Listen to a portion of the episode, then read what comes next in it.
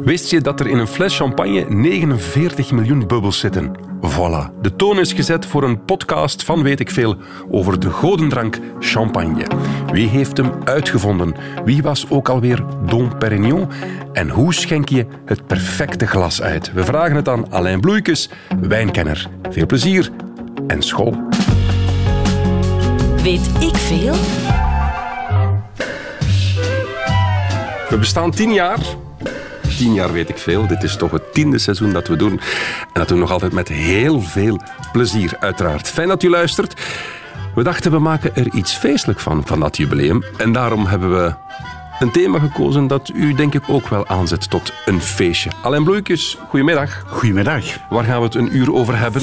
Wel uh, een goddelijke drank, hè? champagne. Champagne. En nu had ik gehoopt dat jij van alles mee had om te proeven. maar het is een... Uh, een koffietje geworden. is het altijd een feestdrank geweest, champagne? Goh, nee, niet echt altijd, want uh, champagne heeft ooit nog bestaan zonder bubbels. Zonder bubbels? Zonder bubbels was een stille wijn dan. Ja, ja? Maar die was eigenlijk zodanig zuur dat niemand hem lustte. En uh, dat wordt ook aangetoond. Hè. Champagne was ooit een van de meest achtergestelde gebieden van Frankrijk. En kijk vandaag, okay. een van de meest welvarende. Met dank aan de bubbel. Met dank aan de drank. En daar gaan we een uur over praten met mijn gast Alain Bloeikes. Fijn dat u luistert. Zeer welkom bij 10 jaar oude, weet ik veel. Voor Marcel en Sonja.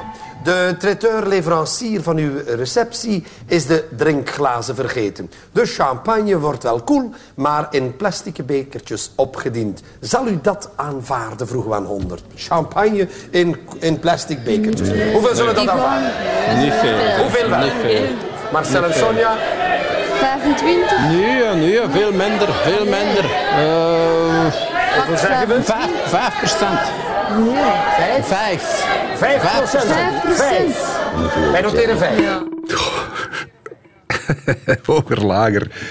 Met Walter Capio moeten we misschien wat duiding bij geven, maar gaan we niet doen. Hoger, lager over champagne met dank aan de redactie voor het geweldige fragment. Want het gaat in, weet ik veel, over champagne. Alain Bloeikes. Ja. Nog altijd de wijnkenner van het land. Ja, Hey? dank je. Enig idee hoeveel liter champagne je al uh, geconsumeerd hebt? Uh, nee. Nee, oké. Is het jouw favoriete drank? Goh, ik heb uh, zo'n beetje een haat-liefde verhouding met champagne. Vertel, zo vertel. Ja, ik denk dat er binnen elk segment toch wel, uh, als we de, de, de, de noemer mousserende wijnen nemen, Mhm. mm -hmm. overal heel fraaie zaken te vinden zijn. Dat geldt ook voor anderen.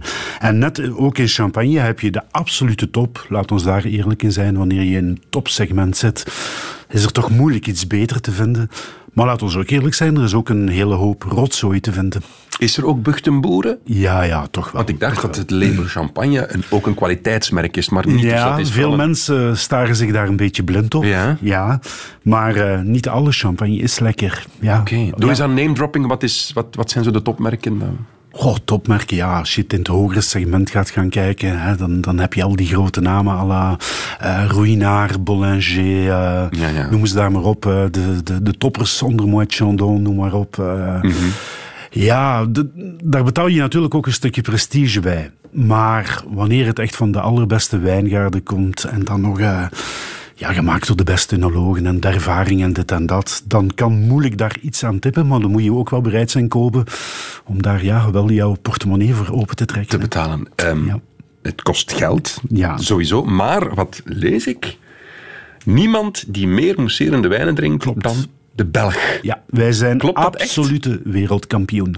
Ik heb de laatste cijfers even bekeken. Wij schommelen nu rond de 78 miljoen flessen per jaar. Alsjeblieft. Even een rekensommetje. Feestje. Ja. We zijn met 11 miljoen België, waarvan 1 miljoen niet drinkt. Moet je ook rekening mee houden. Ja. Dus dat betekent dat die andere 10 miljoen zomaar liefst ja, bijna 8 flessen per kop per jaar drinken. En dan moet je de kinderen er ook nog af. Uiteraard, moet je er ook nog allemaal afnemen. Ja. Uh, absolute top nummer 1 is nog altijd Cava. Ja. Toch? Ja, ja, ja. Toch nog altijd uh, 6, 27 miljoen flessen. En, uh, wat, 27 miljoen? Ja, en wat helemaal gek is, 90% gaat daarvan naar Vlaanderen. Ja. We hebben, Vlaanderen heeft een cava-kop. Dus wacht, er worden jaarlijks 27 miljoen flessen cava geproduceerd. Ja. En 80% ervan komt naar... Maar bijna 90%, 90% komt naar België. Naar Vlaanderen. Vlaanderen. Vlaanderen. Vlaanderen. Ja, ja, ja, ja, dat is eh, het gekke aan het verhaal. Maar goed, champagne doet het natuurlijk ook bijzonder goed. Ehm, dat, dat, dat is vrij stabiel, jaar in, jaar uit. We zitten nu zo rond de 11 miljoen flessen per jaar. Dat klopt niet helemaal. Want dat zijn de flessen die we daadwerkelijk in België gekocht hebben en ook ingevoerd zijn. Niet vergeten dat heel wat Belgen natuurlijk een eh, uitstapje plannen naar de champagne. Ja, daar een koffer gaan volladen. En wat men daar koopt, komt natuurlijk niet in de Belgische cijfers, maar in de Franse cijfers. Daarom dat men dat een beetje het grijze circuit noemt.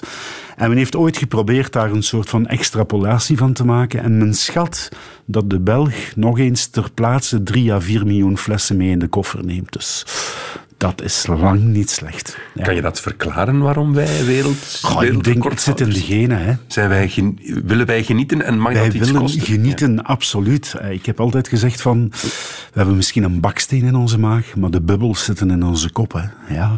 Vanaf, vanaf er iets te vieren valt, en dat hoeft echt geen grote gelegenheid te zijn, dan, dan, dan gaan we bubbels drinken. Kijk nu maar, communiefeesten, terrasfeesten tijdens de zomer komen eraan. Met wat starten we een glaasje bubbels. Hè. Ja, dat klopt. Maar de gin champagne tonic, de gin tonic is aan het opkomen als aperitief, maar toch... het, het heeft ook een voordeel natuurlijk, een mousserende wijnen. Hè. Het, het, het, het scherpt de honger aan. Het is, een, het is een feestelijk moment. Je krijgt er ook honger van om aan tafel te gaan.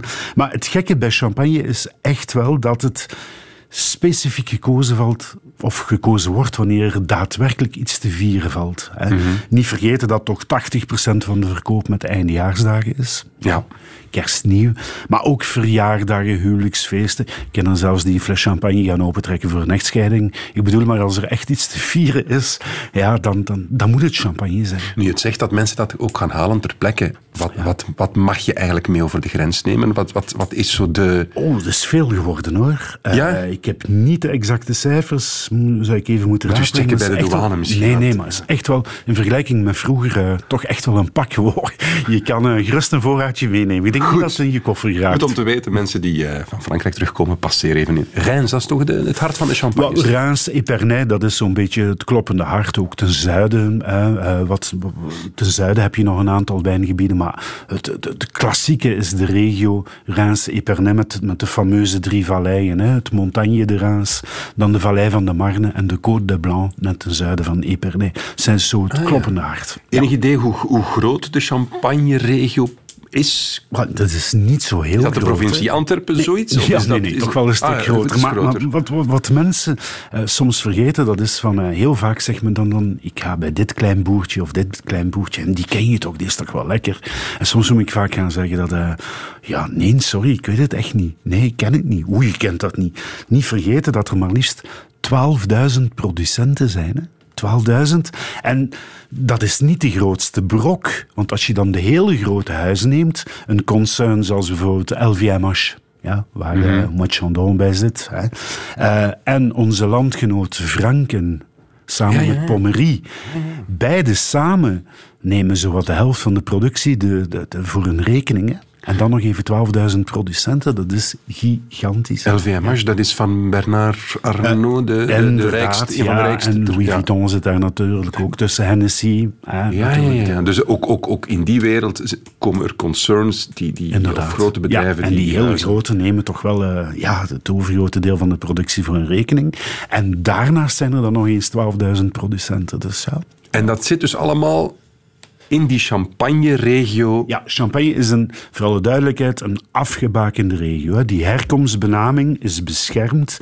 Mag alleen daar die wijn gemaakt worden die dan ook champagne mag maken. En daar komt een beetje mijn haat-liefde verhouding Ja. een beetje naar boven van... Uiteraard gaat men dat gaan controleren. Er worden gigantisch veel eh, euro's besteed door het, eh, door het comité, het, het, het beschermorgaan, aan het waken over de naam champagne. Terecht, zodat er geen... Tuurlijk. Eh, helemaal terecht. Waar ik soms moeilijker mee heb, is, was een geval een aantal jaren geleden. Wist je dat er in Zwitserland een heel klein dorpje is dat de naam champagne draagt? Ja. Daar zitten een handvol wijnboeren. Die maken wijn. Een handvol, hè? Dus minuscuul. Ja, als je in Champagne woont, lijkt het mij logisch dat jouw wijn... Uiteraard, cuvée de champagne. Ja. Ja. voilà. Bovendien waren het geen mousserende wijnen, maar gewoon een stille wijn zonder bubbels. Wel, eh, die hebben dus een serieus proces aan hun been gehad, of aan hun broek gehad, en eh, glansrijk verloren, mogen zichzelf niet meer champagnewijn noemen. Dus je ergert je ook een beetje aan, aan de, de arrogantie. Ga, het gaat soms ver. Weet je, nogmaals, eh worden schitterende wijnen gemaakt, maar, maar ja, we zullen het misschien straks nog over hebben als we het over jaartallen in champagne hebben. Ja, en zelfs Patrick Lefevre drinkt het ook. En champagne gaan geven de laatste eh, kilometers, weet je nog? Ik, die champagne in, de- in, de- in de pannen. En ik, woe, koersen, voor hem te geven. Aan wie? Aan mij? Rick? Tijdens de koers toch niet? Jawel. Dronk je champagne toen? Is het een goede sportdrank? Alain Bloeikes, onze gast vandaag. Eh, wat, wat ik wel weet, is dat eh, Patrick Lefevre toch wel een eh, eminente wijnkenner is. Mag ik u zelf zeggen, ik, een paar jaar geleden met hem tijdens de Ronde van Zwitserland, Ja? mee, op, mee opgenomen en zijn we een aantal wijngaarden gaan bezoeken. En toch zeus was stevig geproefd, moet ik Is het zeggen. waar? Ja, ja, ja, ja. En met verstand, moet ik zeggen. Allee vooruit. Ja. Allee vooruit, doe mij plezier. Alain Bloeikes zit hier vandaag, uiteraard de wijnkenner. Is champagne wijn? Alain, Champagne of is wijn. Dat is wijn. Dat zeggen ook de wijnbouwers. Le champagne, c'est avant tout un vin. Een vin. Ja, want je start dus met een basis, een basis witte wijn. Ja, Dus gewoon een de gewoon een witte wijn zoals je die chardonnay bij wijze van een, een wijnsoort? Of, Ja, voilà, vo- vo- dat zou chardonnay kunnen zijn. Ja? De drie druiven in champagne zijn chardonnay, pinot noir en pinot meunier. Ja. Mhm. Ehm, je start met een basis witte wijn. Maar die heeft iets wat minder alcohol en die is ook een pak zuurder. Ja, ja omdat... Waarom? We gaan een tweede vergisting krijgen op fles. Dus die basiswijn gaat de fles in. Ik leg het nu heel eenvoudig uit. Mhm. ja. Daar komen gisters, gisten en suikers worden daaraan toegevoegd. En zo krijg je die tweede vergisting op fles, die ervoor zorgt dat je je bubbels krijgt. Dus de CO2 die in de fles ontstaat. Dus de CO2 wordt niet toegevoegd zoals bij spuitwater? Nee, nee, nee, gelukkig maar. Nee, dat maakt het proces zo apart. En ik zei al, er worden gisten en suikers aan toegevoegd. Dus dat betekent die gisten gaan die suikers opeten en transformeren in alcohol. Daarom dat de basis wat lager moet zijn van alcohol, jouw basiswijn, omdat je door die tweede vergisting natuurlijk ook nog wat extra alcohol bij krijgt. Zie je. Qua alcohol, waar zitten we Champagne, bij is het rond de 12% volume, niet zoveel. Ja, 12. Zoals een gewoon, alhoewel gewone wijn kan naar 13, 14 Ja, ja, en eh, Ja. steeds vaker hoger. Dat heeft natuurlijk ook alles te maken met de klimaatverandering. Ja, en Zo? warmer worden. Ja hoor, ja, ja, toch wel. Eh, wijnbouwers zien dat heel, heel vaak, dat eh, ja, in bepaalde regio's gemiddelde temperatuur toch al eh, makkelijk twee graden hoger ligt dan een aantal jaren terug. En dus is er, ah ja, dan is er meer suiker in de druif? Of? Ja, eh, meer suiker, dat betekent ook meer alcohol. En bij wijn heb je dan een beetje het risico, in plaats van wijn, dat je eerder alcoholbommen krijgt, die niet meer zo lekker zijn. Hè. Maar goed, bij champagne hebben we nu nog eh, niet dat probleem. Hè. Maar het is dus, en dan ken je het proces, hè. eenmaal die tweede vergisting voorbij, iedereen heeft dat al gezien, dan moeten we zien dat dat depot, dat bezinksel van die afgestorven gistcellen, gewoon in de flessenhals geraken. Dus die fles komt door een bepaald proces, wordt die rechtgezet. Vroeger was dat de remueur. Hè. Als je in een champagnekelder ging, dan eh, zag je daar een man of een vrouw zoveel honderden flessen in die pupitres Ah, draaien. er- is bezinksel. draaien. Dat bezinksel die Ah, ja. in de flessenhals moest zijn. Vandaag gebeurt dat niet meer hoor. Ja, vandaag beschikt men over wat men noemt de giropalet. Dat zijn zo van die hele grote metalen koffers, zal ik maar zeggen. Ja. En het is een computer die alles in één keer draait en, die, die, die veel, veel nauwkeuriger werkt. Dus wanneer wordt, wordt de kurkur dan Dus na precies- die tweede vergisting, ja. Ja. Ja, dus die, die flessen zijn over het algemeen eerst gebotteld met een schroefdop, eh, met een schroefdop, met een, met een, een capsuletje, net zoals dat, dat er op bier zit, weet je wel? Oké. Ja, ja. En dan eenmaal eh, dat bezinksel netjes in de, de, de flessenhals zit, dan gaat die champagne in een, eh, in een soort van bad, de flessenhals, zodat die, die, dat bezinksel bevroren wordt. Ja, men haalt de, de dop eraf en door eh, de druk spuit dat bezinksel eruit.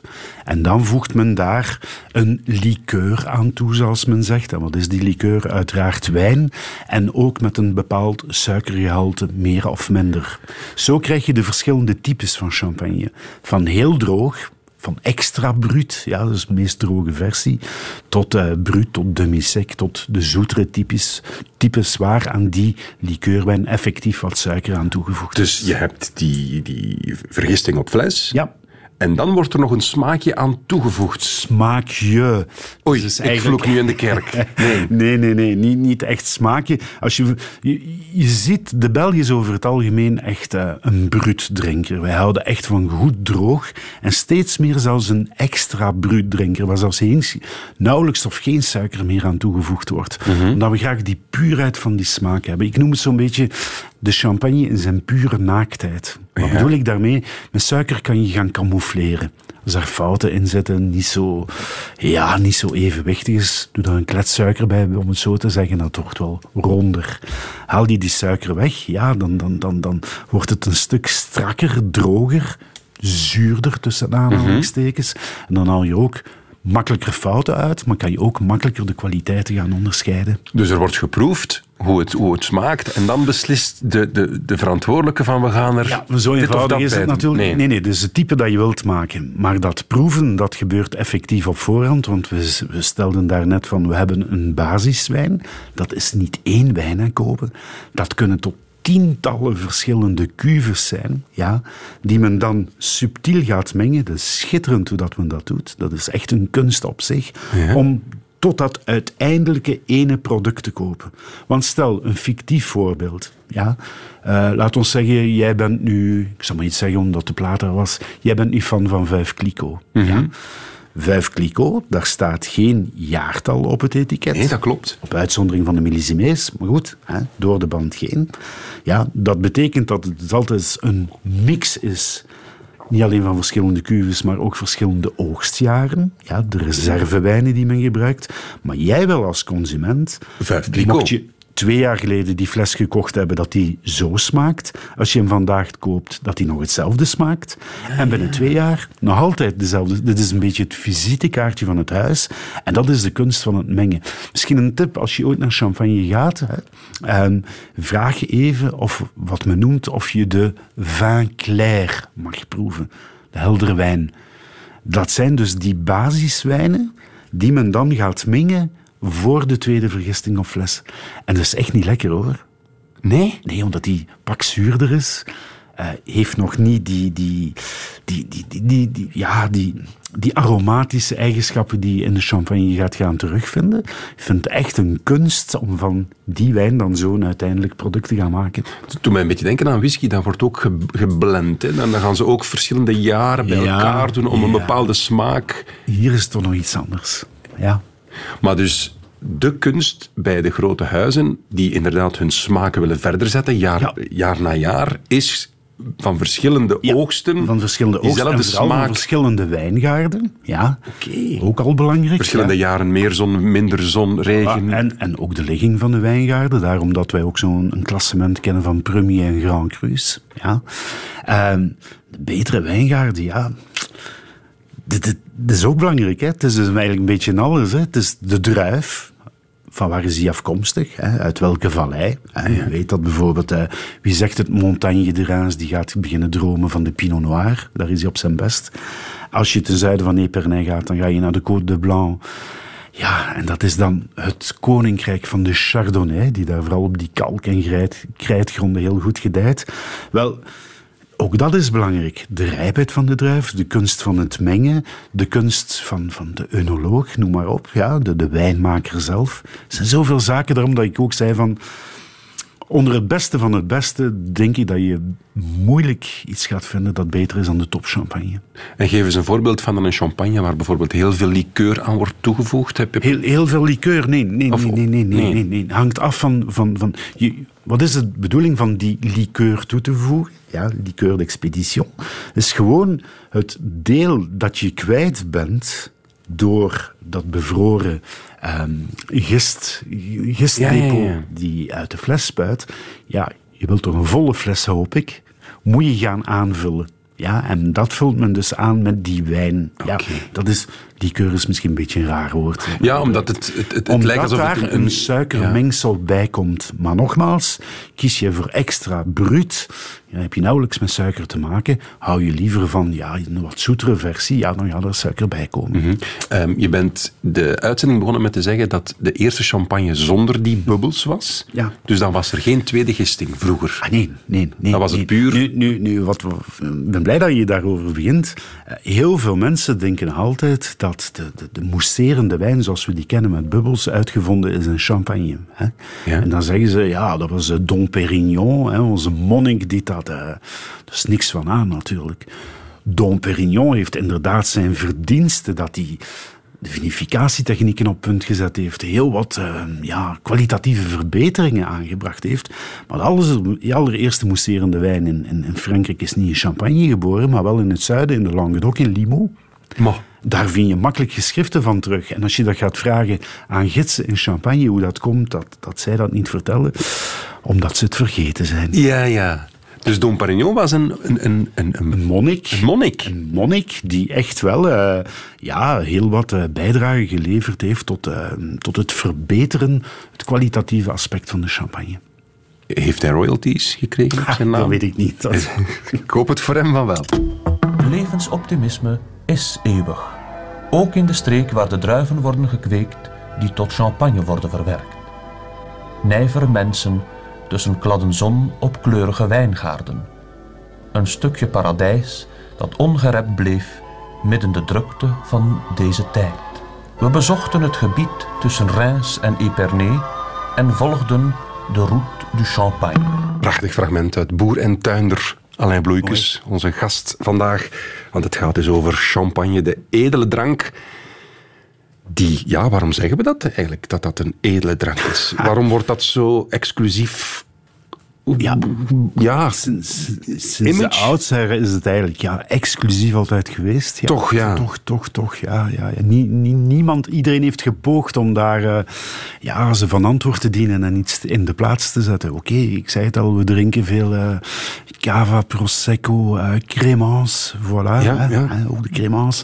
Maar niemand heeft die, die reputatie, die, ja, dit, dit zo kunnen opbouwen. Chapeau, faut le faire. enig idee hoe, hoe oud het is, de drank? Ja, nogmaals, we gaan echt terug naar, eh, naar, naar, naar, naar zelfs de tijd dat toen, wat ik vertelde, toen er nog geen bubbels waren. Maar ik denk een beetje de, de, de, de- echt op de kaart gezet, dan moeten we naar de tijd van Napoleon. Hè? Oké. Ja, ja, ja. Napoleon, eh, de legende wil zelfs. Ehm, dat was zijn lievelingsdrank, ja. We kunnen nog verder gaan, hè. tijden van de zonnekoning en al. Maar Napoleon is toch geen onbelangrijk figuur, want eh, de legende wil dat hij de slag bij Waterloo verloren heeft, omwille dat hij die dag geen, eh, geen champagne bij zich had. Maar, Ja. vertel. Gewoon omdat hij Nee, gedemotiveerd het, wa- was. het was dus zo dat, ehm, dat, dat, dat het legioen echt champagne bij had. Ja. Dat was dan nog niet zo gebotteld zoals we nu hebben. Ik zie daar een flesje bij jou staan. Hè. Hij was nog niet zo gebotteld met een, een, een. Hè. Die, die muilkorf die hier rond zit, was met koord gedaan. Ja. De kurk en dan met koord. En het was dus zo dat eh, het legioen dat bij had. En, en bij een of ander gevecht of overwinning werd dus die kop eraf geslaan met een, eh, met een zwaard. Ja. Vandaar ook de term het sabreren van champagne. Heb je misschien al gezien, hè? Ja, tuurlijk. Ja, ja. Vandaar, hè, vandaar komt het. Hè. Dat was met een zwaard die... die- Inderdaad, ja, de troepen, echt, was veel makkelijker. Die fles nemen, hup, de kop eraf slaan. Maar het, het hangt eigenlijk vol met, met, met, met anekdotes. Hè. Eh, ik, ik kijk naar alle ja, de Franse koningen die gewoon gek waren op, op ja, die, die edele drank. Hè. Zo zijn ook de glazen ontstaan. Ja. Hoezo? Weet je nog wel, hè? Onze fameuze Louis, ja. De, de vij- de 14e, de 15e? Was het nu de 14 of de 14? De 14e. Ja, inderdaad. Hè, ehm, zijn, zijn echtgenote, ja. Ken je die nog? Marie-Antoinette. Absoluut. Goeie Ja. film. ja, maar goed, ook eh, was bij hem eh, zijn lievelingsdrank, ja. Maar de legende wil daar ook dat eh, hij nog niet echt het geschikte glas gevonden had om, om die champagne te gaan schenken. En zo zou hij zich dus op de borsten van zijn echtgenote geïnspireerd hebben. Zo is de coupe ontstaan, de coupe de champagne. Niet de cup, hè, de coupe. De koep. Ah ja, dus die, dat, dat wat brede... Nee, ja, glas. ja, heel breed. Hè? Ja, niet de- niet de- nee, nee, nee, nee, nee. Dus het, echt het hele, hele brede glas dat eh, ja, vandaag toch wel eh, gewoon pure nostalgie is. Ik zou het niet meer gaan gebruiken, want het is veel te breed. Is Ja, er een dus gelijkaardig verhaal, Gaan... is er een gelijkaardig verhaal over de uitvinding van de fluit dan? Of is dat een Nee, nee, heel slechte? nee, nee. slechte Nee, nee, het is enkel, het is enkel bij de koep. Oké. Ehm, laat ons... eh, ja, kan je mij gewoon uitleggen hoe je... We hebben hier een fles champagne.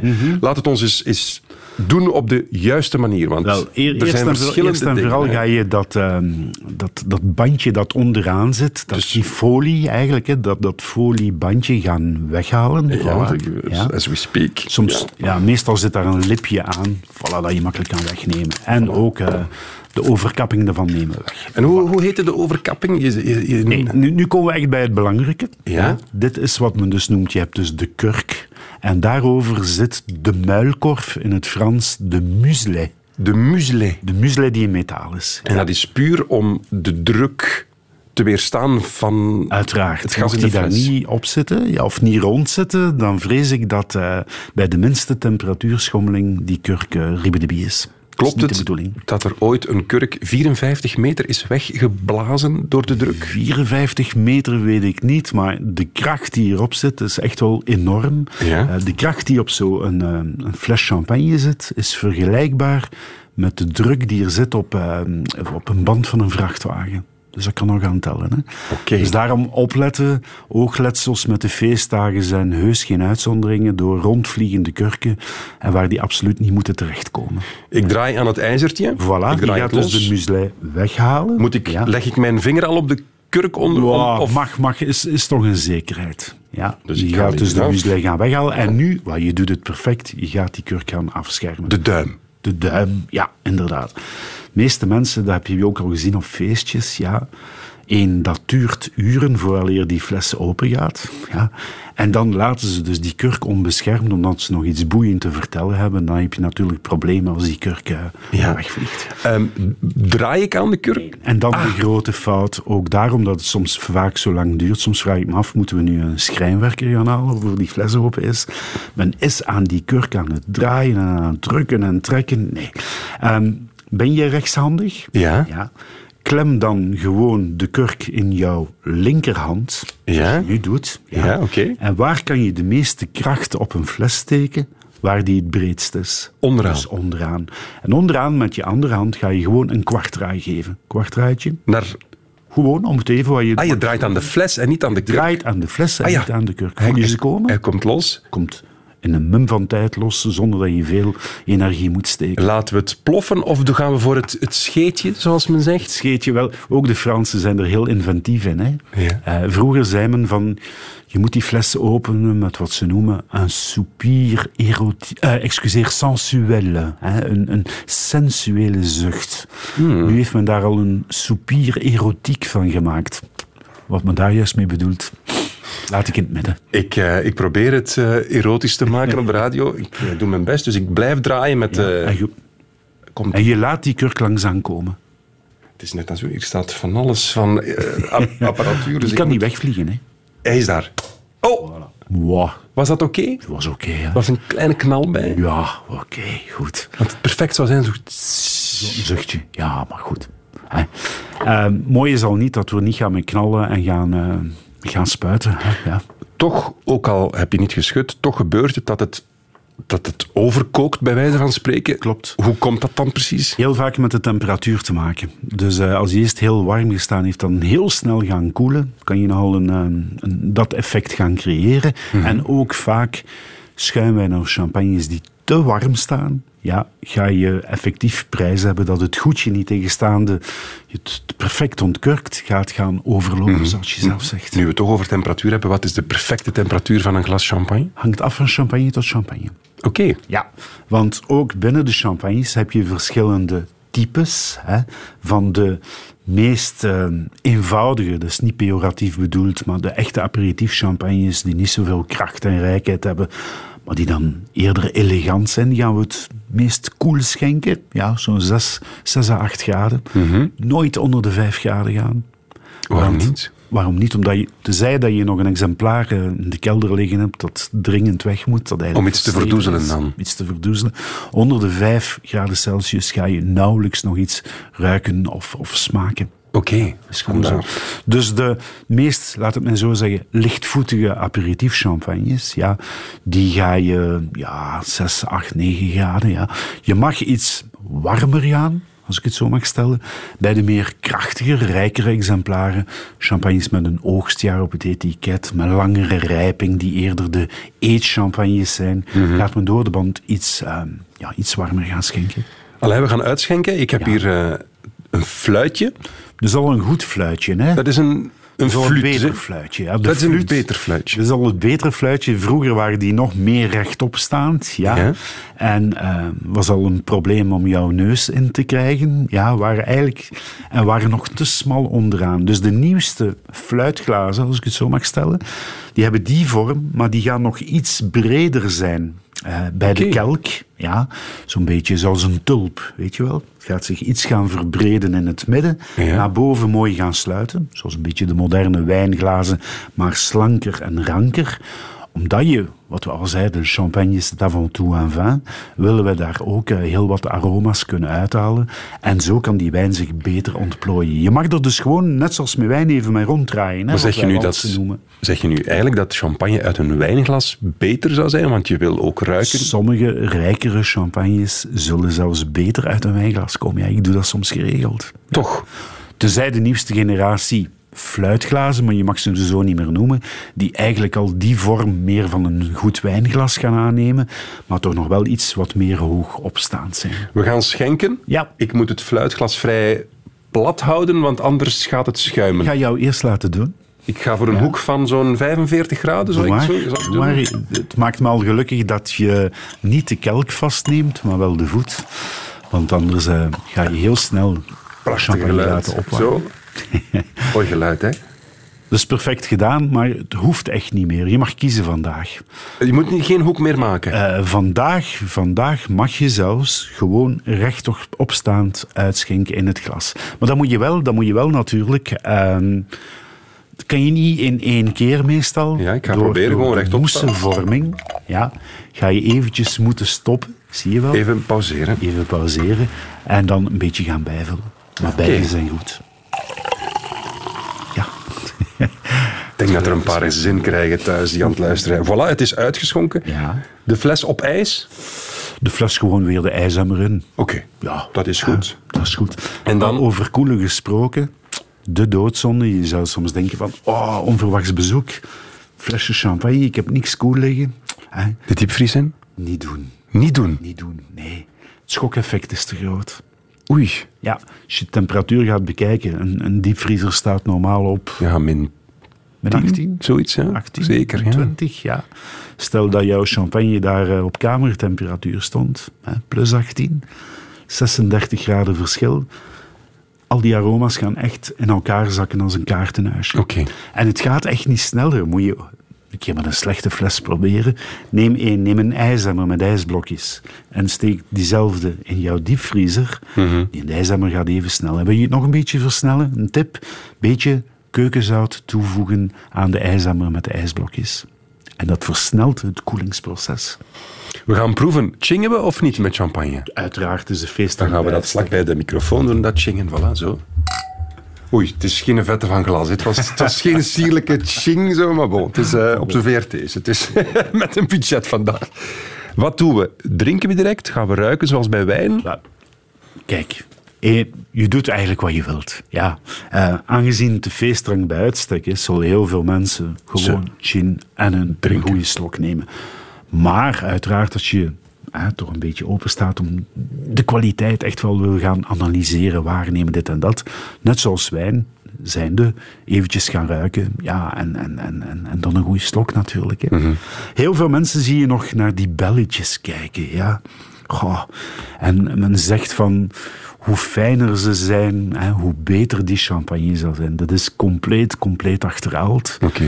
Als je nu nog champagne zou tegenkomen met eerder spa-bellen dan fijne belletjes, zou ik toch die producenten raad geven iets anders te gaan doen. Ah, dat is zelfs een kunst. teken. Ah, oké. Ja, nee. Voilà. Zullen we proeven? We zullen proeven. Alain, bedankt voor de instructies. Nu weet ik hoe het moet. Ehm, de prijs. En de, de eeuwige vraag, wat moet een goede fles of wat kost een goede fles? Wel, laten we dan gaan zeggen, we hebben een hele tijd zo eh, een periode meegemaakt naar de feestdagen toe, eh, dat men afkwam met die premier prix champagnes. Eh, aan 9,99, weet je nog? Kan dat goed zijn? Eh, kan dat niet... Ach, het is natuurlijk niet die, die topkwaliteit, maar er zaten een aantal bij dat je nauwelijks kan zeggen van dit is slecht. Het is niet groots, maar het was ook geen afval. Nu, dit is compleet voorbij. Ja. Waarom? Omdat ja, de prijs toch wel uh, zeus fors naar omhoog gegaan is. Ehm, vandaag... Ja, je, je kan in alle prijzen gaan. Hè. Ik, ik bedoel, je vindt, je vindt tussen de 20 en 25 euro al een heel degelijke fles champagne. Maar uh, ga maar verder. Hè. Honderden euro's kan het zijn. Hè. Maar leg mij eens uit waarom cava 6, 7 euro per fles kost. Prosecco zelfs Ja. misschien nog iets minder. Ja, Of, dat allee, of ongeveer heeft gelijk. heel veel zaken te maken. Hè. Ja. Is dat marketing? Is dat de naam? Is Ah, dat, of nee, kwaliteit dat- nee, toch nee, ik geef één voorbeeld. Ja. De kostprijs van de druiven. Ja. Ehm, champagne, kostprijs van de druiven, toch al makkelijk. Goh, we gaan niet overdrijven, niet de top nemen, maar de middenmoot. Mhm. Een eh, 7 euro per kilo druiven. Je moet weten, je hebt 1,2 kilo druiven nodig om een fles champagne te gaan maken. Ja? Gaan we naar Cava, dus gaan we naar de Penedès, gaan we naar Spanje, ja, dan vind je nog makkelijk een kilo druiven voor onder de 1 euro. Zie je al het verschil? Tuurlijk. Ja. Uiteraard gaat dat nog duurder worden. Uiteraard ga je daar een stuk prestige bij betalen. Eh, maar, maar ja, de ene druiven zal de andere niet. En Mhm. dat is al, ook, ook de loonkosten liggen een pak hoger. Er zijn, zijn een heel pak factoren die het echt wel eh, op dat vlak ja, toch, toch een pak duurder maken. Maar mits wat rondkijken, rond wat proeven, Er kan je een cava of prosecco toch ook van, van, van een goede kwaliteit? Of zeg je, als je mousserende nee, wijn wil nee, drinken, nee. drink champagne? Nee, nee. Want je gaf het voorbeeld van, ja, voor 5, 6 euro vind ik al een fles cava. Toch niet vergeten dat ook de betere cava's toch ook al een stuk boven de 10, 15 tot 20 euro gaan. Mhm. hè? Makkelijk, hè. En, en terecht, hè.